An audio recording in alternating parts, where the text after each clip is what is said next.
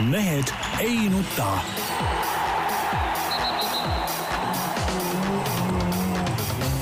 mehed ei nuta. selle eest, et mehed ei nutaks, kannab hoolt Unibet, mängijatelt mängijatele. tere teisipäeva teie jaoks, kallid kuulajad.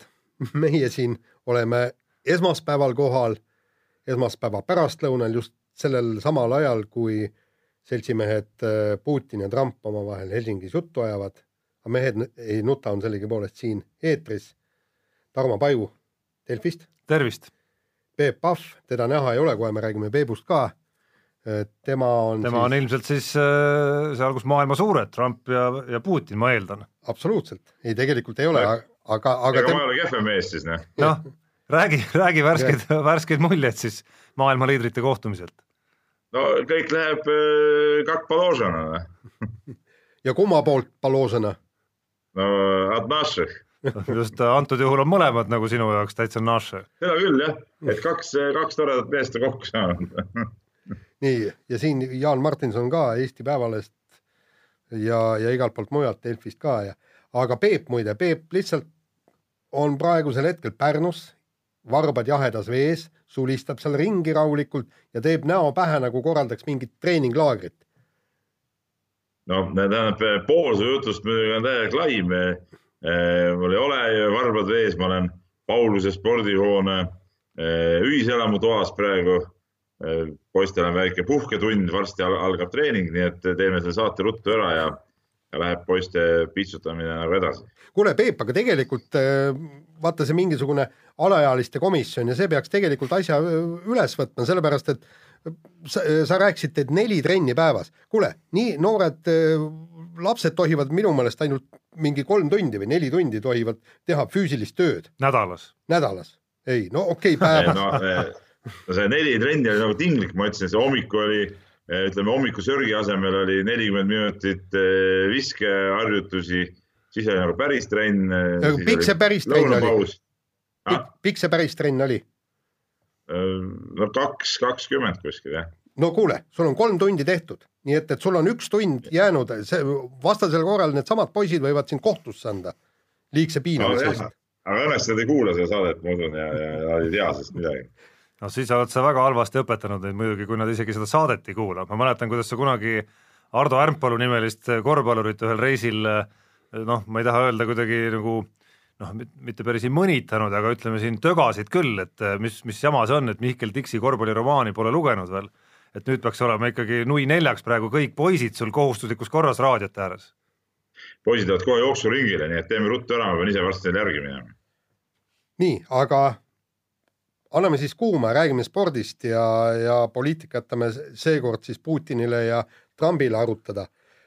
Peep, räägi, mis toimub teist võistlust järjest sa vaatad oma silmadega nina vastu lina, kuidas Ott Tänak võidu sõidab ja kae kurja, ei juhtugi midagi hullu. Ott Tänak võitis seekord märksa kõvema ürituse, kui oli see Delfi rallipäev, võitis suisa äh, Rally Estonia.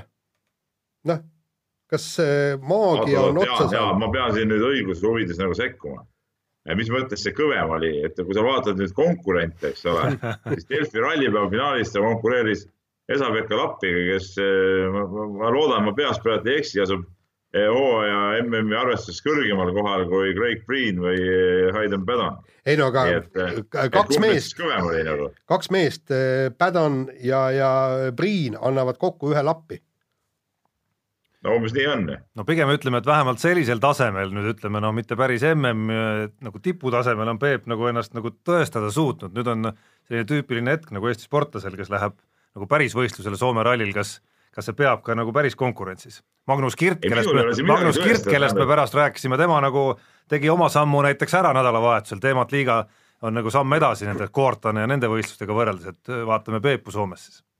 ei, minul ei ole siin midagi tõestada, lihtsalt Eh, õige spordimees nagu Ott Tänak, eh, ma usun, et on, ei saa mingist ebausust eh, lähtuda ja, ja teeb ikka tulemust olenevalt sellest, kas ma olen kohal või ei ole kohal. nii on. nii, aga räägi nüüd sellest Lõuna-Eesti rallist ehk siis Rally Estoniast. et siit Tallinnast vaadates oli igati äge üritus, publik oli rahul, Ott Tänak oli rahul, kõik tiimid, kes seal osalesid, WRC tiimid olid rahul isegi need, kes tulid vaatama, kas äh, see ralli võiks kuuluda MM-sarja, ka nemad olid rahul, et äh, no oli siis nii võimas üritus ka tegelikult, kui sa seal kõrval olid? no see oli äh, kahtlemata oli see väga vägev ja, ja, ja tõesti hästi korraldatud äh, üritus, ütleme. Äh, mingeid detaile seal oli, millest sõitjad rääkisid, mis neid võib-olla natuke häirisid, sai siin tänases loos ka kirjutatud, aga need olid siuksed tõesti väga tehnilised detailid. Ütleme vaatajana või, või ajakirjanikuna seal olla, liikuda oli, oli küll kõik nagu tundus super nagu kõik need pealtvaatamisalad olid hästi välja ehitatud, juurdepääsud, kõik olid okeid. noh, ekraanid, kõik asjad, selles suhtes oli, oli, oli väga kõva töö ära tehtud ja, ja, ja, ja ma arvan küll, et noh, eestlased nagu oskavad teadupärast võistlusi korraldada ja, ja ma usun küll, et, et, et mingile MM-rallide üldisele tasemele see, see võistlus küll kuskilt otsast alla, alla ei jäänud, et kui miskit mind nagu isiklikult häiris, oli just see, et, et need äh, tohutu tihedad äh, hoolduspausid, aga noh, see oli tehtud jälle selleks, et vastu tulla nendele äh, WRC tiimidele, et saaks testida, et see oli ka nagu arusaadav, et kui näiteks siin oleks MM-ralli, siis see asi nii ei oleks, siis oleks ka katsed võib-olla natuke pikemad ja see asi oleks nagu päris ralli moodi, et, et, et see on nagu noh, ütleme sellepärast võib-olla natuke raske seda võrrelda päris suurte rallidega, et see ülesehitus on teistsugune, aga tervikuna see orgunn ja, ja, ja see kõik oli, oli super luks, ainuke asi, mis, mis jättis nadi mulje, oli see kuulus, noh, lubas väga innovatiivset rallit, et see äpp nagu vähemalt minul kui vana EMT ehk nüüd tänapäeval vist öeldakse Telia selle kohta, kliendil nagu see küll väga hästi ei, ei töötanud seal rahvamassis. ja aga samas noh, seal oli ka väikseid probleeme just publiku ummikutega sinna võistlus nii-öelda vaatajal. ja see on nagu rallis paratamatu, et Martin Järveojaga rääkisin sellest ka, ta ütles, et, et need, kes eh, tahavad vabalt ligi pääseda ja ja olla nagu kogu aeg rae ääres, need mingu ringrada vaatama, et, et ralli juures see on nagu elementaarne, et, et seal tekivad need ummikud, sest et teed on ju kitsad ja keegi ei saa metsa maha raiuda, mingeid maanteid ehitada kiiruskatsete äärde ja, ja see on nagu paratamatu, et Jaan, sa oled ise ju ka välismaa rallidel käinud, tead, samamoodi on seal igal pool need ummikud. Et ja, ja teine asi on see, et paljude pealtvaatajate rumalus ka, et jäetakse neid autosid tee äärde kuskile, siis on teistel kitsas ja, ja mingi sada häda seal, tegelikult olid parklad kõik olemas, parklates oli ruumi, nii et tapab.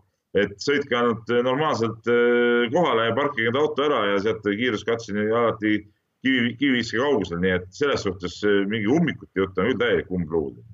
ja aga no ega tegelikult Tänaku sõidust eriti midagi rääkida ei ole, ta oli lihtsalt ülivõimas, kodused teed ja kõik ja ta on tegelikult nendest äh, Pädevanist ja Priinist äh, oluliselt kiirem. veel üks tähelepanek, Jaan ja. äh,. kodused teed nii palju, et ta ise ütles ka, kui ma temaga seal vist see oli äkki laupäeva õhtul, kui ma temaga veel vestlesin natuke seal. ta ütles, et ta on seda rallit sõitnud täpselt sama palju kui, kui Craig Priin, et ehk Priin oli kolmandat korda stardis ja ta ise oli ka kolmandat korda seal stardis, et, et, et selles suhtes tal mingit erilist eelist võib-olla väga suurt isegi ei olnud. ei no aga Eesti ja Lõuna-Eesti teede iseloom ja kõik muud no,. iseloom no, nagu, seda küll jah ja, ja, ja. aga, aga noh, põhiküsimus ikkagi on nagu seotud ikkagi selle ralliga, et korraldajad Just. jah, ületasid ennast taaskord, tulid äh, pärast pausi välja ikkagi mingisuguse väga selge ideega, ideoloogiaga ja plaaniga, mis, mis vähemalt esimesel aastal, esimene samm siis noh, oli igati edukas, et nüüd on küsimus, kuidas edasi ei no edasi on ju selles suhtes on kõik selge, et nendel oli võetud plaani kolme aastaga jõuda eh, WRC sarja etapiks, esimene samm on astutud, nüüd tuleb samamoodi edasi teha, ütleme need, need kitsaskohad, mis, mis välja tulevad, millega kindlasti sõitjad oma info edasi annavad. Eh, need läbi analüüsida, teha mingid parandused, järgmine aasta veel kord samamoodi eh, samas stiilis see ralli teha ja siis on juba näha, et, et kas õnnestub sinna kalendrisse sisse suruda või mitte, et selge see, et niisuguse nii-öelda nagu WRC tiimide jaoks testirallina see nagu pikalt kesta ei saa, eks ole, see võib olla atraktiivne üks-kaks aastat, võib-olla kolm aastat, aga mitte rohkem, et, et, eh, et see on nagu võtmekoht, et kui, kas saadakse WRC kalendrisse või mitte, ega siin midagi kuhugi mujale edasi minna ei ole, et midagi muud eh, siin välja mõtelda ei ole. just, aga noh, nende puhul, vabandust, Jaan, on küsimus selles, et nad võivad nende väikeste vigade kallal töötada, aga ma ei ole kindel, kas see on see otsustav, et nendest endast ikkagi ei sõltu piisavalt palju. et kas nad saavad MM-ile või mitte no on kindlasti, kindlasti jah, selles suhtes on õigus muidugi, et see kõik see Eesti turu väiksused üritavad küll seda teha üle Baltikumiliseks ralliks ja, Venemaa turgu haarata, aga noh, kui ma nüüd vaatasin seal ringi ka niisuguse pilguga, siis noh, ütleme, et noh, lätlasi oli näha, aga lätlased on alati käinud rallidel. leedukaid ma eriti küll ei näinud seal, võib-olla mõni üksik, venelasi oli ka ikkagi suhteliselt vähe, et, et, et kui nüüd rääkida sellest rahvamasside haaramisest, siis, siis siin on ikkagi küll suur töö teha ja, ja ma ei tea, kas, kas näiteks Leedust ongi võimalik üldse inimesi kohale saada, et kui sa selle meelitad inimesi äh, Dakari ralli sõitja, kes ütleme tavaralli mõistes on ikka suhteliselt keskpärane, siis äh, noh, miks need leedukad peaks siia tulema, see on nagu, nagu omaette küsimus, neil omal mingit normaalset sõitjat ju ei ole. No samas jälle kõik see turu asi on tegelikult minu meelest on noh, nagu see, see turg ei ole oluline, sellepärast kui me räägime Tšiili rallist, no mis, mis autoturg on Tšiilis, no ei ole ju. Uus-Meremaa samamoodi, täpselt. pisikene riik, et palju seal ikka neid autosid müüakse, et seal on ikkagi ilmselt need asjad kuskil, kuskilt maalt mingid muud, et, et mis äh, saavad otsustavaks ja, ja mul on, ma olen väga skeptiline, et antakse nagu Eesti ja Soome ralli MM-kalendrisse, just täna rääkisime kolleegidega, ma tahaks näha, kuidas nad selle Soome ralli sealt kalendrist välja puksivad. Võimatu. ei, Soome rallid nad kindlasti välja ei puksi, aga, aga ütleme, Eesti Soome rallid ei ole väga, väga nii üks-ühele sarnased, nagu on sada korda räägitud, siis see Lõuna-Eesti maastik ja Otepää ümbrus, see on ikka nagu selle Poola sarnane rohkem, et kui Poola ja Soome olid oma olemuselt sobisid nagu mõlemad kalendrisse, siis miks, miks Soome ja Eesti ei või sobida, et et seal nad üksteise lähedal asuvad, see ei ole ka mingi näitaja, teadupärast Korsika ja Sardiinia asuvad samamoodi kõrvuti ja see, see ei ole küll nagu mingi küsimus. Nonii, aga lähme järgmiste teemade ju juurde või nii on jah, sul küsimusi? just nimelt, just nimelt, teine saate osa ja kiire vahemäng ootab ees. nii äh,, esiteks kolmikhüppaja Tähti Alver täitis, nagu selgub nüüd, juuni lõpus EM-normi, käies võistlemas lõunapausil oma põhitöölt panga krediidihaldurina, lihtsalt palus ülemust, et, et saaks paar tunnikest vabaks, läks. ei, kusjuures ta kõigepealt, kui ma õigesti aru sain, palus ülemustelt, et ta saaks nendel päevadel töötada Rakveres. Jah, just. ja siis, ja siis see järgmine samm oli siis see, et saaks lõunapausilt paariks tunniks vabaks. just, ja, ja siis läks, hüppas oma kolmikhüpped ära ja, ja rahulikult EM-norm täis. et noh, ütleme, et kõva viga, seda esiteks. no seda kindlasti, aga samas ütleme sellel tasemel et kuidas sa muud moodi seda sporti teed, nagu sa ei ole enam päris juunior ka, millestki on tarvis elada ka, et sa käid tööl, töö kõrvalt teed seda, noh, see on varemgi tehtud niimoodi, ütleme värske, mitte värske, vaid hea näide oli Anna Ilušenko kõrgushüppaja, kes ka ju tegelikult ikkagi tegi ka tööd ja samas töö kõrvalt ja õpingute kõrvalt võistles ja, ja väga edukalt, nii et tema pidas seda täitsa normaalseks tööl käimist, et, et kas see nüüd, nüüd selles suhtes on okei okay,, et kui me räägime päris tippu jõudmisest ma arvan, et see ei ole nagu, nagu nii jätkusuutlik, aga ütleme sellel tasemel, kus Tähti Alver praegult on, noh, see tööl käimine võib-olla, võib-olla ongi okei okay. No mul on selles, selle juhtumi puhul kohe tuli meelde Jaak Uudmäe, kes äh, ülikooli minnes, tal ei olnud ju ka põhimõtteliselt see tulemus oli ikkagi ääretult kesine, ma ei mäleta täpselt neid numbreid, aga ütleme. sa ei räägi kindlasti Jaak Uudmäest, vaid sa räägid Jaanus Uudmäest. ei, Jaak Uudmäest, Jaak Uudmäe, meie olümpiavõitja tal olid ääretud okay,. ma mõtlesin, sa hakkasid rääkima Ameerika ülikoolist ja sellest asjast, okei okay,. ta läks ja, minu teada Tartusse õppima ja aga, aga ta võeti ometi spordiühingus palga peale. Ta sai, ta sai treenida täpselt nii palju kui vaja, ta sai laagrites käia ja, ja kõike muud säärast ja lõpptulemus oli olümpiavõitja. vot nüüd tahaks magi teada, kas keegi oskaks, noh, hea küll, ma ei räägi spekuleerimisest, aga, aga kui vaadata nagu Tähti Alveri äh, füüsilisi võimeid, vaimseid omadusi, kõike muud. et kui sinna panna tipptasemel treening taha, et ta saaks tõesti pühenduda spordile, mis tulemus sealt võiks tulla? Kas keegi oskaks seda öelda, kas Kergejõustikuliit oskaks öelda, kas on mingisugused uuringud ära tehtud, kui pot-, kui palju potentsiaali selles kahekümne kahe aastases neius on? tal on hüpata ikkagi veel rahulikult kümme aastat võiks sporti teha. aga no eks ta peab suutma ei, mingi, mingi hüppe ikkagi veel teha, mul on selline tunne, et, et see nagu nii-öelda tõsisemalt hakataks võtma seda ja mingite tingimuste loomisest rääkima? no ütleme, EM-normi täitmine nüüd ei ole nüüd ka mingi giga, gigatase, ütleme, kui Eestit läheb EM-ile seal pea kolmkümmend kergejõustiklast, et eh, noh, mingi, mingi imeasi ka ei ole ja kõik nad kindlasti ütleme, täiskohaga sportlased ka ei ole, et selles suhtes eh, Tähti Alver kindlasti suure, suurepärane, et ta hüppas ja et ta läheb ja see kõik on, on, on väga kõva ja, ja kiidame ainult takka, aga, aga nii nagu sa, Tarmo, ütlesid, et, et noh, seal on tarvis ikkagi noh, veel nagu seda taset tõestada edasi minna, et, et äh, seda asja tõsisemalt hakata võtma. ja, ja aga vaata, siin ongi nii-öelda paigaljooks on ju, eks, et selleks, et oma taset äh, tõestada ja näidata, mis on su tegelikult võimed, selleks sa peaksid äh, pühenduma äh, kergejõustikule, treeningule, kolmikhüppele.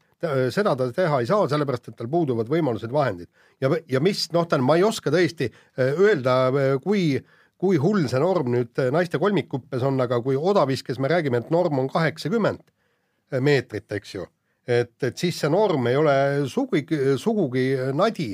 Ja palju see kettaheites oli, kuuskümmend kolm või? meetrit, siis andke andeks, see on päris tõsine, tõsine norm, et näidake mulle töö kõrvalt eh, mehi, kes eh, tulevad ja kuuskümmend kolm meetrit ketast heidavad, näidake mulle neid. ja no võib-olla selle vahega, et äh, Jaan, kui sa heidad ütleme kuuekümne kolme meetri kanti suurvõistlusel ka, siis, siis sa oled ikkagi nagu kaheteist hulgas kindlasti, aga kolmeteist üheksakümne kandis hüppega ma ei ole kindel naiste kolmikus, kas sa oled? Ei no seda küll, võib-olla muidugi, võib-olla, jah, no aga ei aga pruugi. näita mulle neid, näita mulle siis neid äh, odaviskajaid, kes töö kõrvalt rahulikult panevad kaheksakümmend meetrit. ei No. no. ole neid. no ütleme, erinevatel aladel on meil läbi aegade küllaga olnud neid, kes on äh, ju töö kõrvalt vähemalt mingi perioodi oma karjääris teinud, et äh, sinu lemmikala on Nikolai Novosjolov kas või? jah, ei no se- seda küll, aga ma räägin praegu ko konkreetselt ker kergejõustikust ja teine asi, me räägime kahekümne kahe aastasest tüdrukust. selge see, et kui Gerd Kanter läheb nüüd tööle, et, et siis ta võib sealt tõesti tulla ja oma kuuskümmend kolm ära visata, eks. aga kahekümne kahe aastaselt töö kõrvalt ja sa hüppad EM-normi täis, see on kiiduväärt. ja ma tahaksin ikkagi teada, mis on tüdruku potentsiaal. nii, aga vahetame teemat ja anname teile nüüd ühe väikese loogikaülesande kõigile lahendada, nimelt uudis siis selline, enam-vähem tsitaat Jaani artiklist eelmisel nädalal Eesti Päevalehes, Mati Alaver kõrvaldati Aleksei Poltoranini treeneri kohalt, aga jätkab ikkagi Poltoranini treenerina. no see on Kasahhi ime. et korrati maa ikkagi.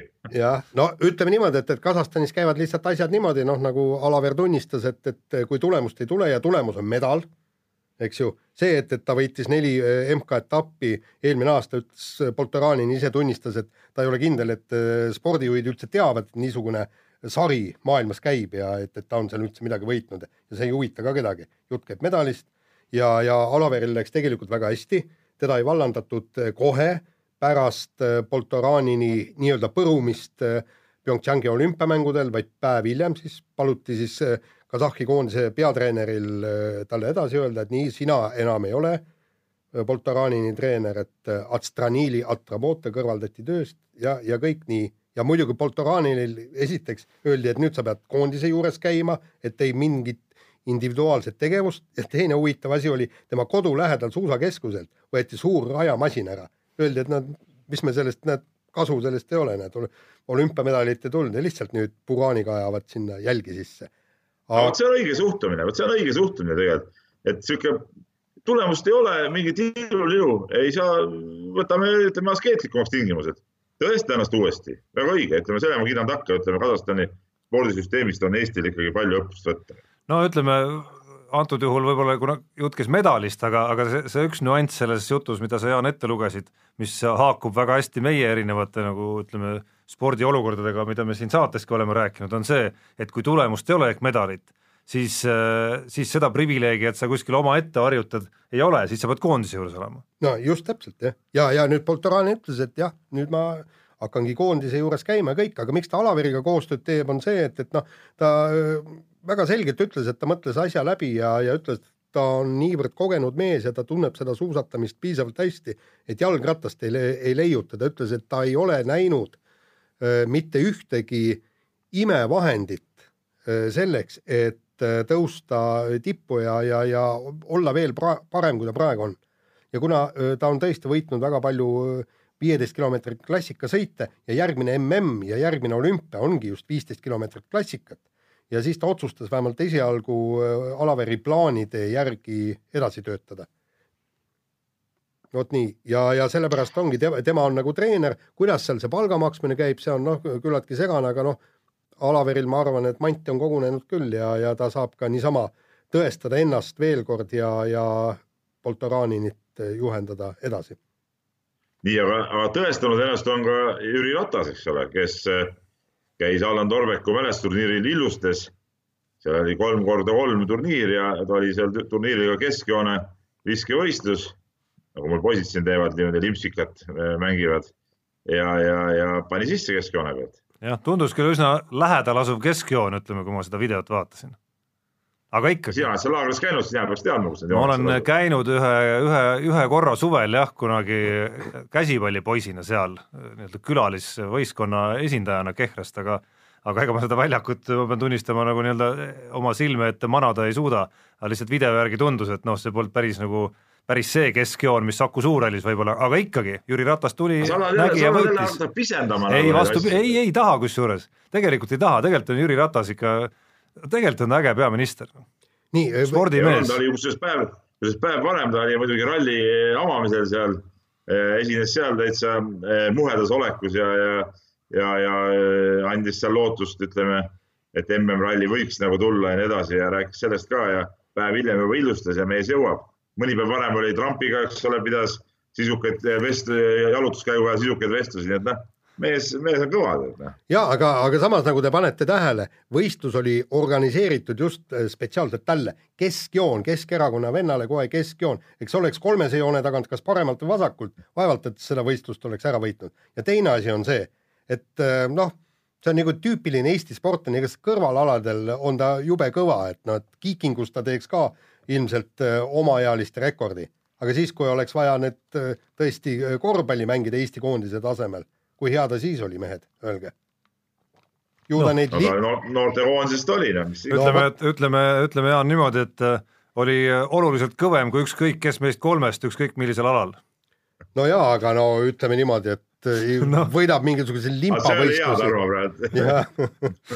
ei no jaa, aga me räägime ikkagi siin kõrgemast tasemest. mis kõrgemast tasemest? noh, Eesti meistriks on ta tulnud täiskasvanute hulgas, mina olen.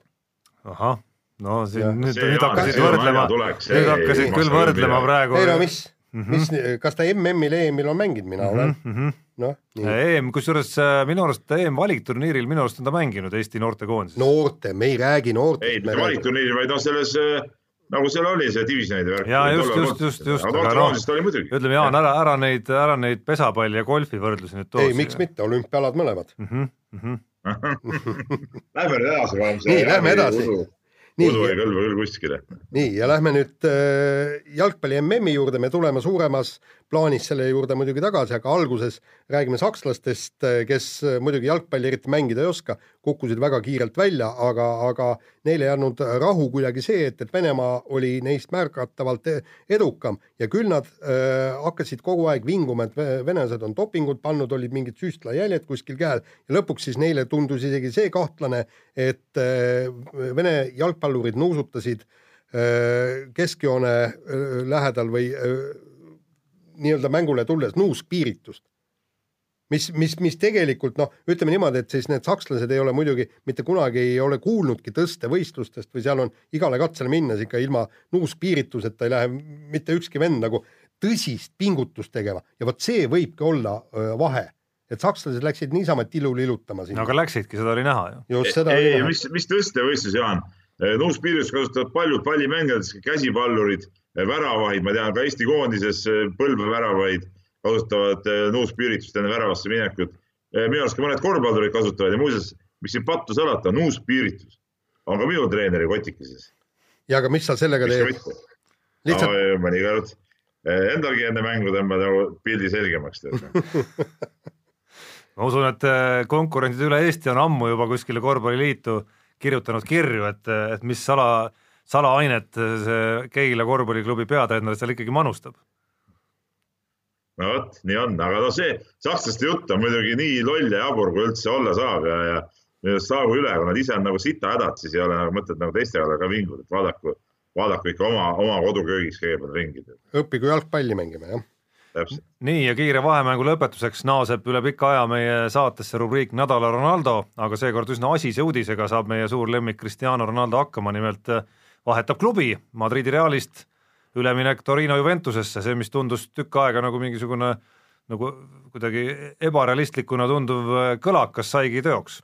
no üks, mille pärast äh, Ronaldo märgatavalt sümpaatsemaks muut-, muutus, oli see, et, et ta ei hakanud raha taga ajama.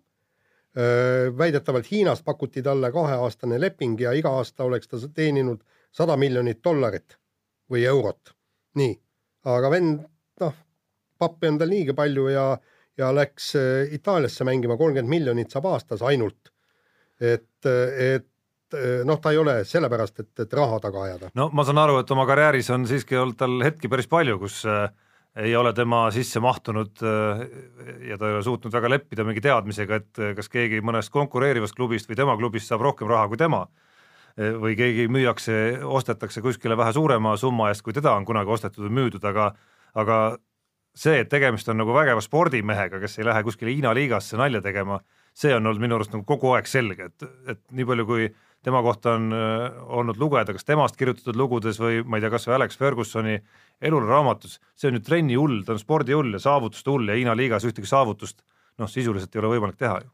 ja aga, aga, aga samas, samas ka noh, rääkisime ka seal meie jalgpallispetsialistidega ja nemad ütlesid ka, et seal on võib-olla ka noh, kaks põhjust, üks, üks põhjus on see, et, et Itaalia liiga ei ole nii konkurentsi, konkurentsitihe, tihe kui Hispaania liiga, et seal saab asja natukene lõdvemalt võtta ja keskenduda meistrite liigale, mis Ronaldo jaoks on märgatavalt tähtsam. ja teine asi on ju see, et äh, sul on ikkagi kesisemas konkurentsis on sul äh, rohkem võimalust ka särada.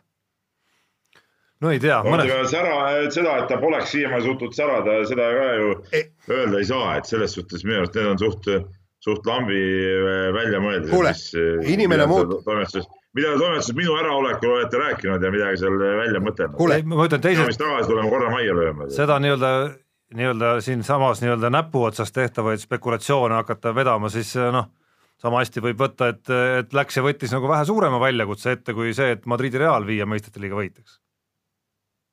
Madridi Reali suudab noh, iga mees nii-öelda võib-olla vedada võitja, võidu kohale, aga Juventust mitte no.. no jaa, aga sama, samas ütleme niimoodi, et, et ta saab ju ka aru, et vanus tuleb peale. ja, ja aga no sa räägid Itaalia liigast nagu tegemist oleks mingi Poola liiga või mingi asjaga. no ta ei ole Poola liiga, aga ta ei ole kindlasti ka nii kõva, kui on Inglise liiga või, või, või Hispaania liiga. ma ei ole kusjuures kunagi olnud väga suur Itaalia jalgpalli austaja, aga mõnes mõttes on isegi nagu äge, et, et vahelduseks mingi selline liikumine toimub, kuhu, kus, kus keegi nagu suur nimi läheb ka Itaaliasse, et muidu käib kõik nagu Brit-, Inglismaa suurte klubide ümber, kahe Hispaania suure klubi ümber ja viimasel ajal ka Pariisi Saint-Germaini ümber.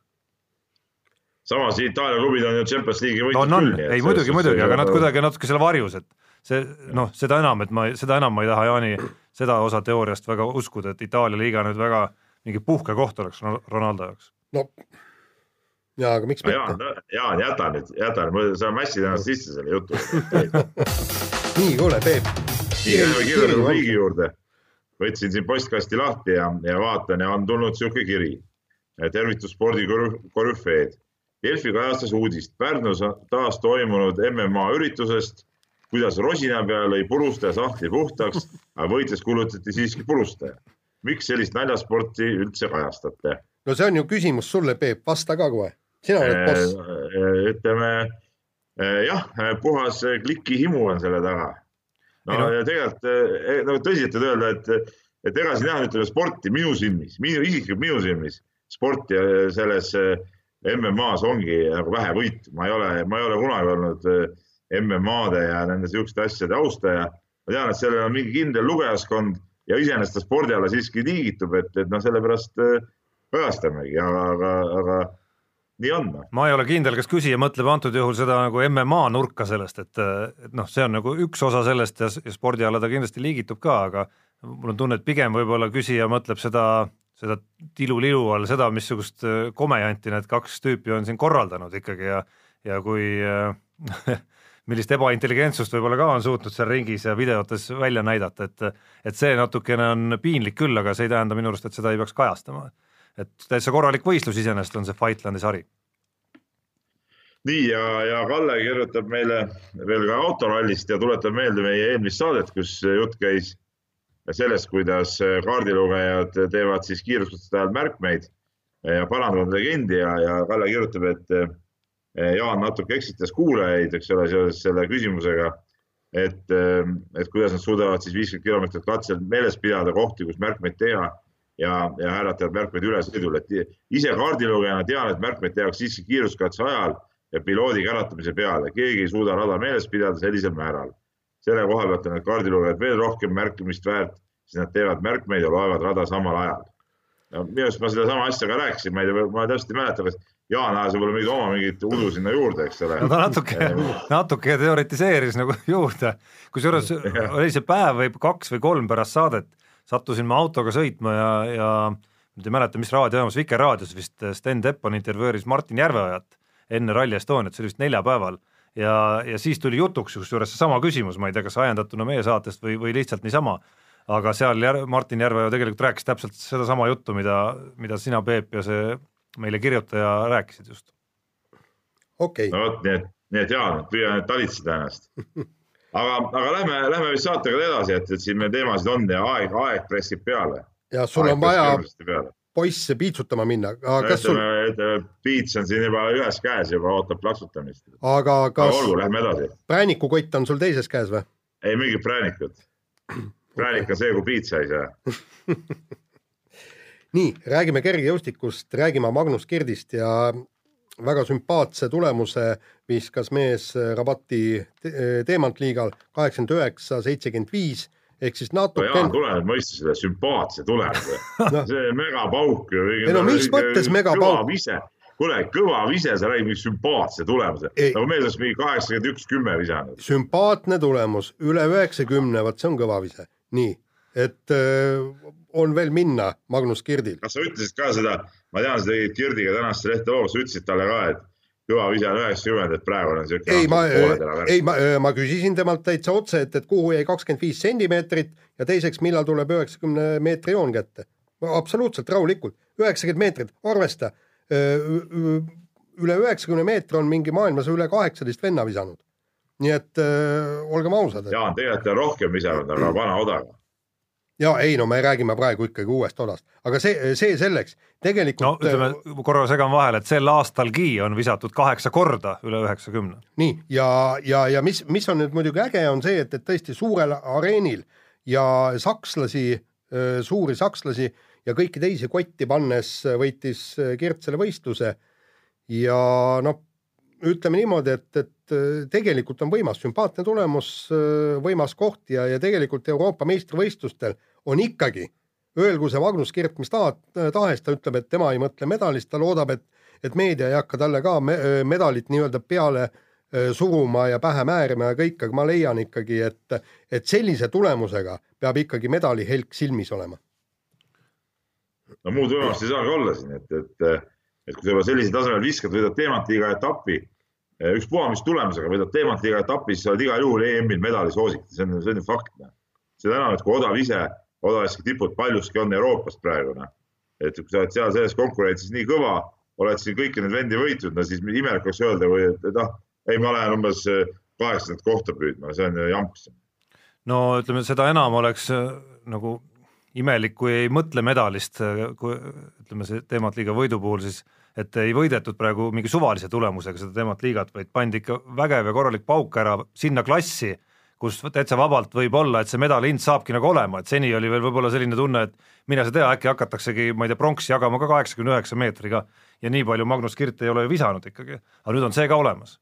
no ja kõik sõltub muidugi tingimustest. no seal oli tingimused väga head, eks seal oli esiteks äh, ilm oli piisavalt soe, mida ei pruugi Berliini EM-il olla ja teiseks oli ju tuul ka oli soodne, et, et kerge vastutuul. no ta oli kõikide jaoks ja ei, absoluutselt, aga, aga ma lihtsalt ütlen, et, et kui me räägime, kas kaheksakümmend üheksa, võib-olla medali hind on üldse kaheksakümmend kolm, kaheksakümmend viis meetrit, kui on tingimused kehvad, aga, aga, aga just selle Kirdi järjekordse kolmanda Eesti rekordi puhul ja ma kirjutasin selle sinna artiklisse ka väikse lause, et, et ausalt öeldes kogu see Eesti ülejäänud kergejõustik on ikkagi väga kesine sel suvel just selle Kirdi kõrval. Aga noh, teisalt, teisalt jäädes korra veel selle jutuga Kirdi juurde, siis äh, väga huvitavas olukorras on just nagu selle aasta odav ise maailmas, et kui me võtame nagu maailma edetabeli lahti, siis jah, kaheksa korda on isegi kolme mehe peale üheksakümmend meetrit täis visatud. aga kui sa hakkad vaatama, millal need visked on visatud, siis nad on kõik seal kuskil hooaja päris algul, märtsis isegi ja mais ja kuskil nii edasi. et alates sellest hetkest, kui kalendris keerati juunikuu lahti, on juba selliseid nagu pikki viskeid väga väheks jäänud. Et ongi vist kaks korda on visatud üheksakümmend, siin on Hoffmann korra ja Rööler vist teise korra ja, ja sealt edasi ongi juba kirt, kui hakata seda tabelit lugema nagu alates juunist visatud äh, nagu tulemustest.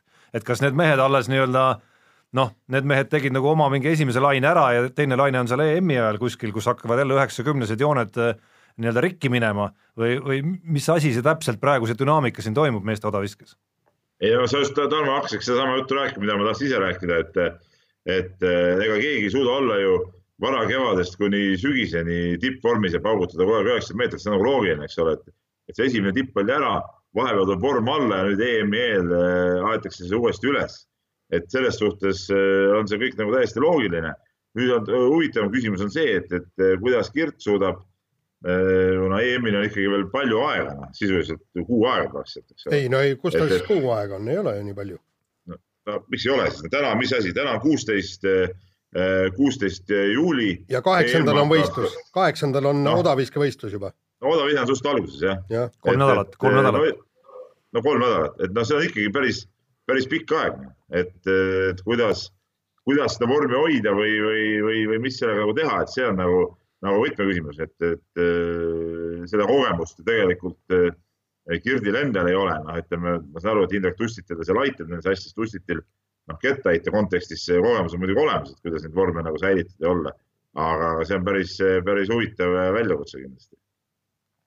nii, aga vahetame teemat, läheme korvpalli juurde ja hooaeg küll ei käi, aga üks uudis eelmisel nädalal tuli, mis väärib kindlasti korraks mainimist ja arutamist, ehk siis äh, ei mingit üllatust, Eesti korvpallikoondise peatreeneri kohal jätkab kuni siis kahe tuhande üheksateistkümnenda aasta mm valikturniiri või miks mitte finaalturniiri lõpuni Tiit Sokk.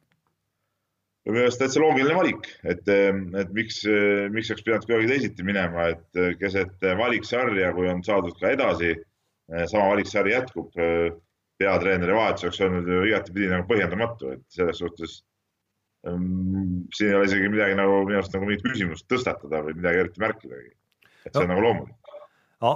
väga huvitav olukord on Peep samas, et äh, justkui no ma tean, korvpalliringkondades päris palju on sellist äh, noh, mitte nüüd avalikku, aga sellist, äh, sellist nagu ma ei teagi, mis see õige sõna seal on, et et noh, ütleme siis sellist jauramist või, või rääkimist või ma, ma ilma, et ma tahaks midagi nagu äh, halvaks panevalt isegi öelda, et noh, et kas ikka Tiit Sokk ei ole liiga kauaks jäänud juba ja et äkki oleks värskeid mõtteid sinna vaja ja nii edasi, samas teiselt poolt vaatad tulemustele otsa, siis, siis jah, no okei okay,, Jaani-sugune maksimalist ütleb, et noh, see on kõik nagu jamps, on ju, aga kui no, aga no mina ütlen pigem, et vaadates meie sellist ütleme, korvpallurite pagasit ja, ja korvpallurite nagu taset, tippkorvpallurite taset, noh siis, siis isegi see, et me praegu selle MM-valiktsükli läbisime nii, nagu me läbisime kahe võidu ja edasipääsuga, siis tegelikult on see kordaminek rohkem, kui mina oleks oodanud näiteks. et selles mõttes nagu ei olegi midagi ette heita. ei no ei olegi midagi ette heita, no selles ongi see asi, et, et äh, alati võib viriseda, alati võib öelda, et see on kehvasti, teine on kehvasti, jah, võib-olla tõesti oleks ka värskendust vaja, aga kindlasti ei seda värskendust teha nagu keset tsüklit, ma veel kord ütlen. valiksari algas, otsustati, alustati Tiit Sokuga seda ja kui meeskond on läinud, ütleme, läbinud need etapid eh, edukalt, on jõutud järgmisele levelile, tsükkel läheb nagu edasi, no mis, mis selle vahetamise mõte siis nagu on või miks ta peaks nagu praegu tegema? Eh, kui taheta, tahetakse peatreenerit vahetada või ta, oodatakse mingeid uusi mõtteid ja asju, jah, palun väga, kui mm valiksari saab läbi, siis eh, võib-olla tõesti võiks nagu mõtelda, et, et mis, kes või kuidas, aga teisalt nagu tulemused räägivad äh, või emotsioonid kõik maha jätta, siis tulemused räägivad Tiit Soku kasuks praegu selgelt. nii, mehed, mul on lihtsalt äh, korvpallist üks kiire küsimus teile veel.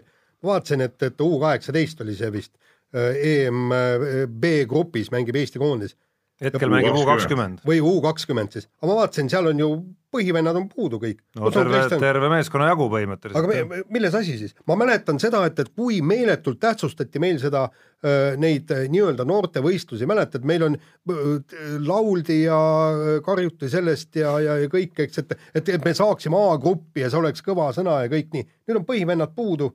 millest see, mis, mis siis häda on nüüd?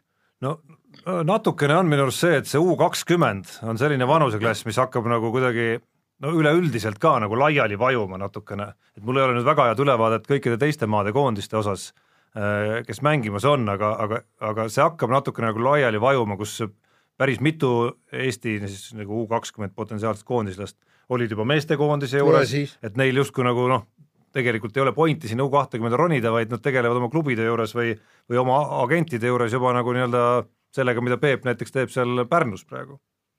et no nii, nii, nii ongi, U kuusteist ja kaheksateist samas on sellised, mida naljalt nagu vahele ei jäeta. nojah. et selles suhtes ei ole ka äh, probleemi minu arust, isegi kui need paar tükki on puudu, ütleme need teised vennad saavad ikkagi nagu äh, hea väljundi selle kaudu, et, et see osalemine seal on igal juhul õigustatud minu arust, et et U kakskümmend välja läks ja, ja, ja las nad mängivad seal no,, on, on need paar, ma ei ütle, et võistkonna nagu puudu, ma ei tea, kust teil nii palju mehi saate, aga. no ütleme aga, rohkem ütleme, kui viis ikka selgelt. tohoh no,. ma nagu praegu nii, nii palju ei ole küll nagu. ei no Treier, Raieste, Kullamäe, Tass, sealt juba tuleb ju järjest Erkmaa. no ongi viis ja, aga no Tass on Ameerikas, ütleme, see on nagu, nagu loomulik äh, puudumine. kas mitte Jurkatam ka vanuse poolest ei peaks olema isegi seal? Või on ta juba vanem aasta võrra? ei, Jürkatam on üheksakümmend seitse, kui ma ei eksi, sünniaastaga. et, et, äh, et sealt puudu on, aga no sellest midagi ei ole ja et ameeriklased äh, on ka varem ju mitte käinud, isegi siis, kui meil oli ju see, äh, see, see, ütleme, see A-divisjoni jutt, siis ju Jõesaar ei käinud ju, kui ta oli samal ajal Ameerikas ju, nagu mäletame. et, et, et nii ongi, ega siis pole midagi, midagi imestada ja, ja, ja, ja see B-divisjon võib-olla pole nii ahvatlev, oleks A-divisjoni mängud oleks midagi muud just, kor... nagu nagu just, no korraks sinna Tiit Soku juurde tagasi hüpates veel, et, et kaks asja, mis natukene võib-olla on minust sellised okkad, et üks on see, et ma ei ole päris hästi aru saanud, et Tiit Sokk ise ka lepingu pikendamise uudise järel ütles, et et, et midagi töö ei saa pooleli jääda või mingi sellise lause või, või, või tuleb nagu lõpuni viia, et ma, ma tahaks nagu natukene rohkem kuulda temalt võib-olla nende kõikide mõtete ja asjade kohta, et et, et mis siis täpselt see nagu lõppeesmärk on, on see finaalturniirile jõudmine või on see mingisugune muu filosoofia, et tema nagu tema olemist Eesti korvpallis, teda tahaks nagu Eesti korvpallis ja tema mõtteid tahaks nagu Eesti korvpallis rohkem näha tegelikult, see, see on üks asi, mis et ta, et ta tuleb nagu välja, ütleme ainult siis, kui koondis koguneb kolm korda aastas, siis me natukene näeme teda, aga ülejäänud ajal on ta kuidagi nii pildis kui sõnas nagu kadunud ikkagi. et pea, koondise peatreeneri roll võiks natukene suurem ja laiem olla. jaa, absoluutselt nõus sinuga selles küsimuses nii, aga võtame siia ploki lõpetuseks kiiresti jalgpalliklubide tegemised. eurosarja on alustatud, neli mängu, neli kaotust. minu arust sellega on ka teema lõppenud, sest et kõik on nii nagu alati. no selle lisanduse või kommentaari sinna ütleks, et oli vist ikka jutumärkides hea mõte küll, et jalgpalli maailmameistrivõistluste ajaks mängupaus tekitada Eesti meistrivõistlustele.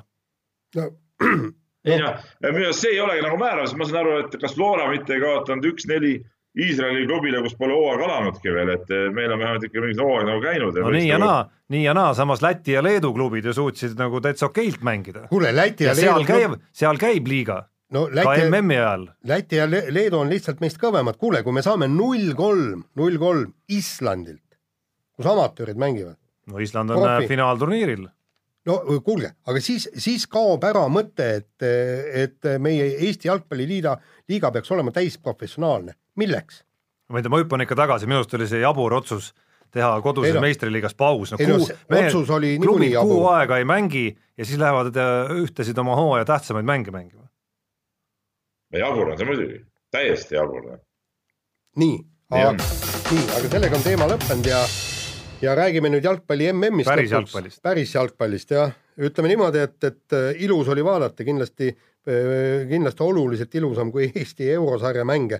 Äh, jalgpallifinaal oli üks. mitte, et sa neid eurosarja mänge, Jaan, vaadanud oled? ma mõnda olen vaadanud, mitte see aasta, aga ma muidu olen üldiselt äh, teinekord pilgu peale visanud, see on päris jube, mis seal toimub.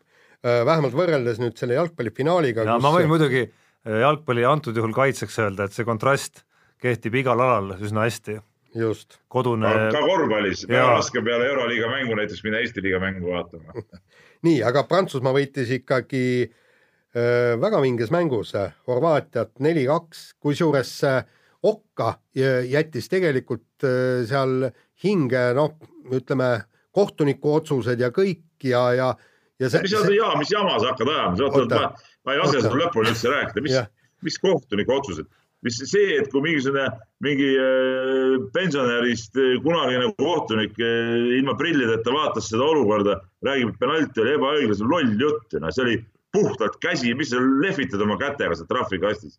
see suu-, võttis palli teekonna kinni, nii et see no aga pall oleks sealt, pall oleks läinud sealt üle otsajoone ja aga seda kohtunikud ei peagi vaatama, kuhu see pall läinud no, oleks, Jaan. see, see oli, ei mõjutanud mängu, see käsi, käsi ei mõjutanud. tal oli käsi püsti. segast et pall oleks väravast läbi lennanud. ei oleks läinud, vaata see uuesti, ei oleks eest läbi Jaanikene, läinud. tal oli käsi püsti, pall tuli tema külje alt ja käsi ja. liikus palli poole, ükskõik, kas see oli juhuslik, et ta niimoodi liikus nii. või mitte, ta liikus pallile ette. ja, ja kusjuures esimene värav nagu toodi ära, et, et jalgpallis kehtivad eh, erinevad reeglid, ühtede reeglite järgi mängitakse siis, kui mängitakse trahvitsoonis ja teiste reeglite järgi siis, kui välja, väljaspool äh, trahvitsooni. prantslane kukkus pikali äh,, videot ei vaadatud, anti karistuslöök, sealt tuli esimene värav. nii. ja vot see on osa, millega no, ma olen nagu rohkem nõus, aga õnneks, selle lõpptulemuse õnneks muidugi, ei äh, jäänud see mäng nüüd sellesse seisu, mis ta kaks-üks poolel oli, kus Prantsusmaa nagu noh, sisuliselt nagu polnudki õieti veel nagu väravat löönud, aga juhtis kaks-üks, et see ei jäänud nagu sellesse faasi, vaid äh, Prantsusmaa nii-öelda nagu pani korraliku pitsat ikka peale sellele. jaa, aga, aga, aga samas ma jah, äh, tunnistan, et, et Prantsusmaa oli parem meeskond, kuigi nad tegid kolm pealelööki, said neli, neli väravat, aga tegelikult oleks, äh, ma hakkasin juba mängu alguses ja keskel ikkagi tegelikult horvaatidele nagu väga pöialt hoidma no,. ma hakkasin juba ammu enne seda, kui enne kui finaal alanud oli. mina küll ei hoidnud mingit Horvaatiale pöialt, Horvaatia on toredad mehed, mulle väga meeldivad need mehed, aga nagu ma olen alati rääkinud ei ole, ei ole väikeste asi võita ja nagu jälle kõik näitas, kõik on nagu alati. kõik on nagu alati. suurte pärusmaa on see. ma saan aru, Peep, et. finaali jõuda, aga seal nad ei suuda ju midagi teha. ma saan, Peep, aru, et isegi Eesti vastu oleksid sa finaalis. muidugi aga mis ei peaks? ma võin seda siin isegi uljalt välja ütelda, sest Eesti nagunii, Tarmo, sa tead ju väga hästi, Eesti nagunii mitte kunagi finaali ei jõua, sa tead väga hästi. no ma võin ju teada, aga ega see teadmine midagi ei maksa, kui ükskord jõuab näiteks. kuulge, aga tegelikult. ei jõua tegelikult.... see on kihvt. et te, tegelikult see Horvaatia jõudmine finaali oli, oli väikeriikidele ühest küljest nagu innustust, nelja miljonise elanikkonnaga äh, seltskond äh, on MM-i finaalis ja teiselt poolt jälle peeglisse vaatamine täpselt nii nagu Islandi jõudmine MM-finaalturniirile, see on meile, meie jalgpallikogukonnale peeglisse vaatamine, mida nemad teevad paremini kui meie.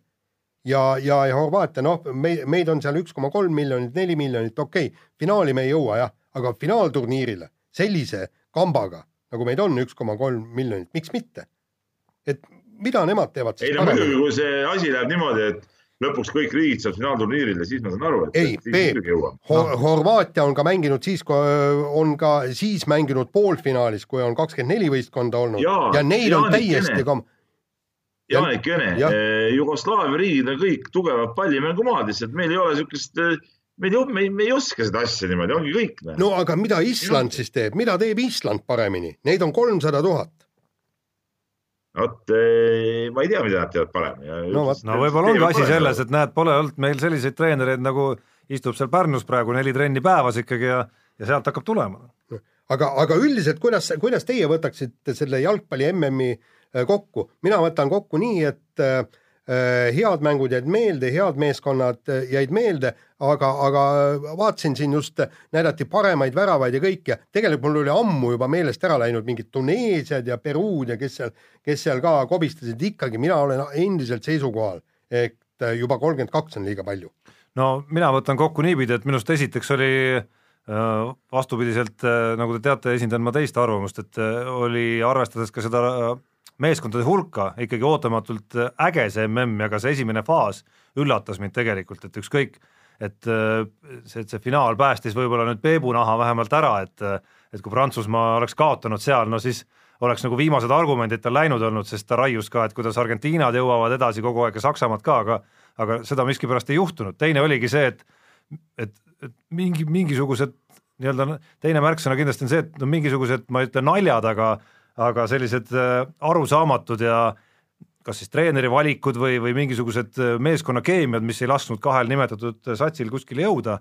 ja noh, kolmas on ikkagi see, et huvitav, et spordis samas hästi loomulik, et spordis on see ikka hästi tavaline, et selleks, et äh, võita, ma siin isegi vaidleks Peebule vastu, et ma arvan, et Prantsusmaa ei võitnud Peep tänu sellele, et et kunagi üheksakümne kaheksandal aastal Prantsusmaa korra oli võitnud juba pigem ma arvan, Prantsusmaa võitis tänu sellele, et see konkreetne põlvkond, see konkreetne sats hästi talendikas, hästi andekas, hästi heatasemelised jalgpallurid juba kaks aastat tagasi olid juba nii-öelda peaaegu sihile jõudnud, ehk et kuidagi nagu arenguredelil jõuti lihtsalt eh, piisavalt kaugele. ja, aga need suured satsid jõuavadki selles arenguredelis ikka mingite lainetena nii kaugele ja kui sa ütled, et see kakskümmend aastat tagune võit ei mõjutanud, siis kindlasti mõjutas. Eh, juba läbi peatreener Deschampi, kes tookord oli ju, ju meeskonna kapten, eks ole, ja, ja ütleme, üks üks selle võidu arhitekt. ja ma ei öelnud, et ei mõjutanud, Peep, aga ma arvan, et olulisem oli see. ta teadis, kuidas võidetakse maailmameistritiitlit ja see on jube oluline. just, aga noh, olulisem oli kindlasti see, et, et sa teed mingi sammu nagu läbi, et sa jõuad kõigepealt võib-olla, seda on spordis tohutult palju ikkagi, me oleme näinud selliseid näiteid, kus nüüd uus mingi sats ka klubi tasemel jõuab võib-olla esimesel aastal kuskile, ma ei tea, poolfinaali, siis finaali ja siis lõpuks võidab selle ära. et väga raske on kohe minna esimese pealt ja see kätte saada. selles mõttes ma olin natukene üllatunud ei, ikkagi, et et selles mõttes ma olin natukene võib-olla üllatunud, et et Brasiilia teekond nii vara nagu katkes, et ma oleks oodanud, et ka nemad teevad sammu edasi nüüd nelja aasta tagusest, sest valikturniiril nad olid suurepärased. aga iseenesest jälle see Prantsusmaa võit muidugi, Prantsusmaa koondis kui selline on muidugi täiega umbluu, noh, see on täiega umbluu, nagu täna oli, eh, meil oli vist eh, artikkel ilmus juba ära või, või kus see vaade oli, et, et kaks, kaks prantslast siis on ainult koondises, kes on nagu päris prantslased, no mis, mis Prantsusmaa koondis see on? Peep, kuule, Peep, kuule, oot-oot-oot-oot, eelmise maailmameistrivõistlus, maailmameistriks tuleku ajal oli ainult üks prantslane, nüüd on juba kaks ja vaata, kui nii edasi no. läheb, siis varsti. sellest ma räägin, et see Prantsusmaa koondis iseenesest ja mulle ei meeldi ka olemused, see on täielik jama, täielik jama. ei no aga. Nad on suured, nad on suured, see on nagu jah aga isegi, mängivad head jalgpalli. ma saan aru, et isegi Mbappe lõpuks on suur, Peep, jah ei no poisiuss on poisiuss, ega see, temale tuli see tiitel kindlasti liiga vara veel. tähendab, see jõuame jälle samasse. ja nagu Pelelegi tuli liiga vara, ma saan aru, jah.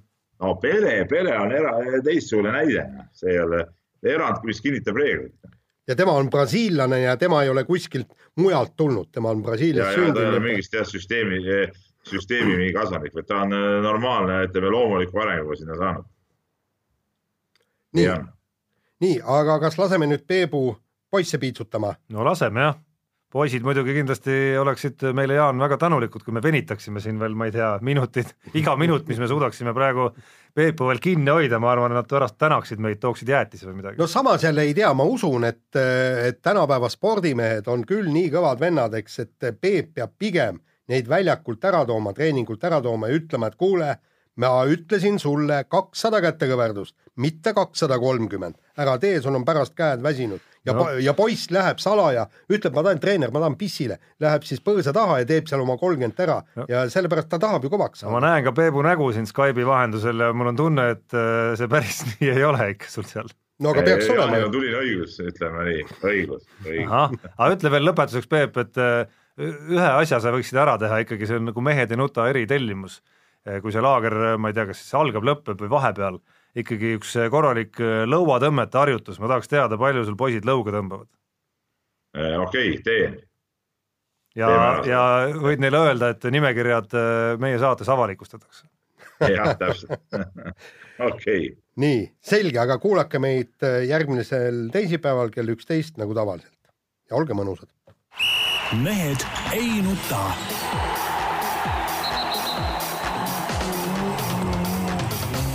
mehed ei nuta